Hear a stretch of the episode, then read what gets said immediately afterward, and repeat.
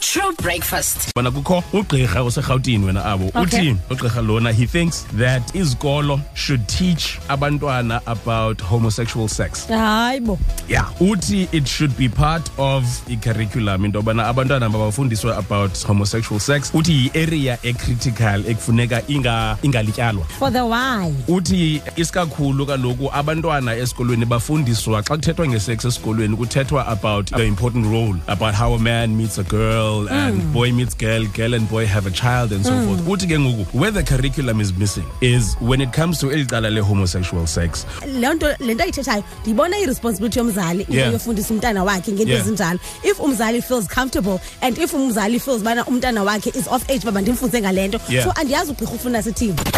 ayikho le ndithetha ngolotishana asikho isidingo soba kufundiswe ngesex esikolweni ayizubenzela nto abantwana loo nto leyo because mna apha endlini ndipritsha emntaneni wam into yoba no sex before marriage yeah khule njalo yeah tishara esikolweni uzothi gqine condoms uthi there is nothing wrong with sex before marriage as long as you're using a condom usena ukho wenza i-conflict engqondweni yomntana ngumzali noba wenza le nto kaloku ngoba kaloku utitshala yena uya esikolweni yotisha umntana kayange ubeyomxelele nto Catch me, Brian, and myself uabo from Monday to Friday 6 to 9 on The True Breakfast.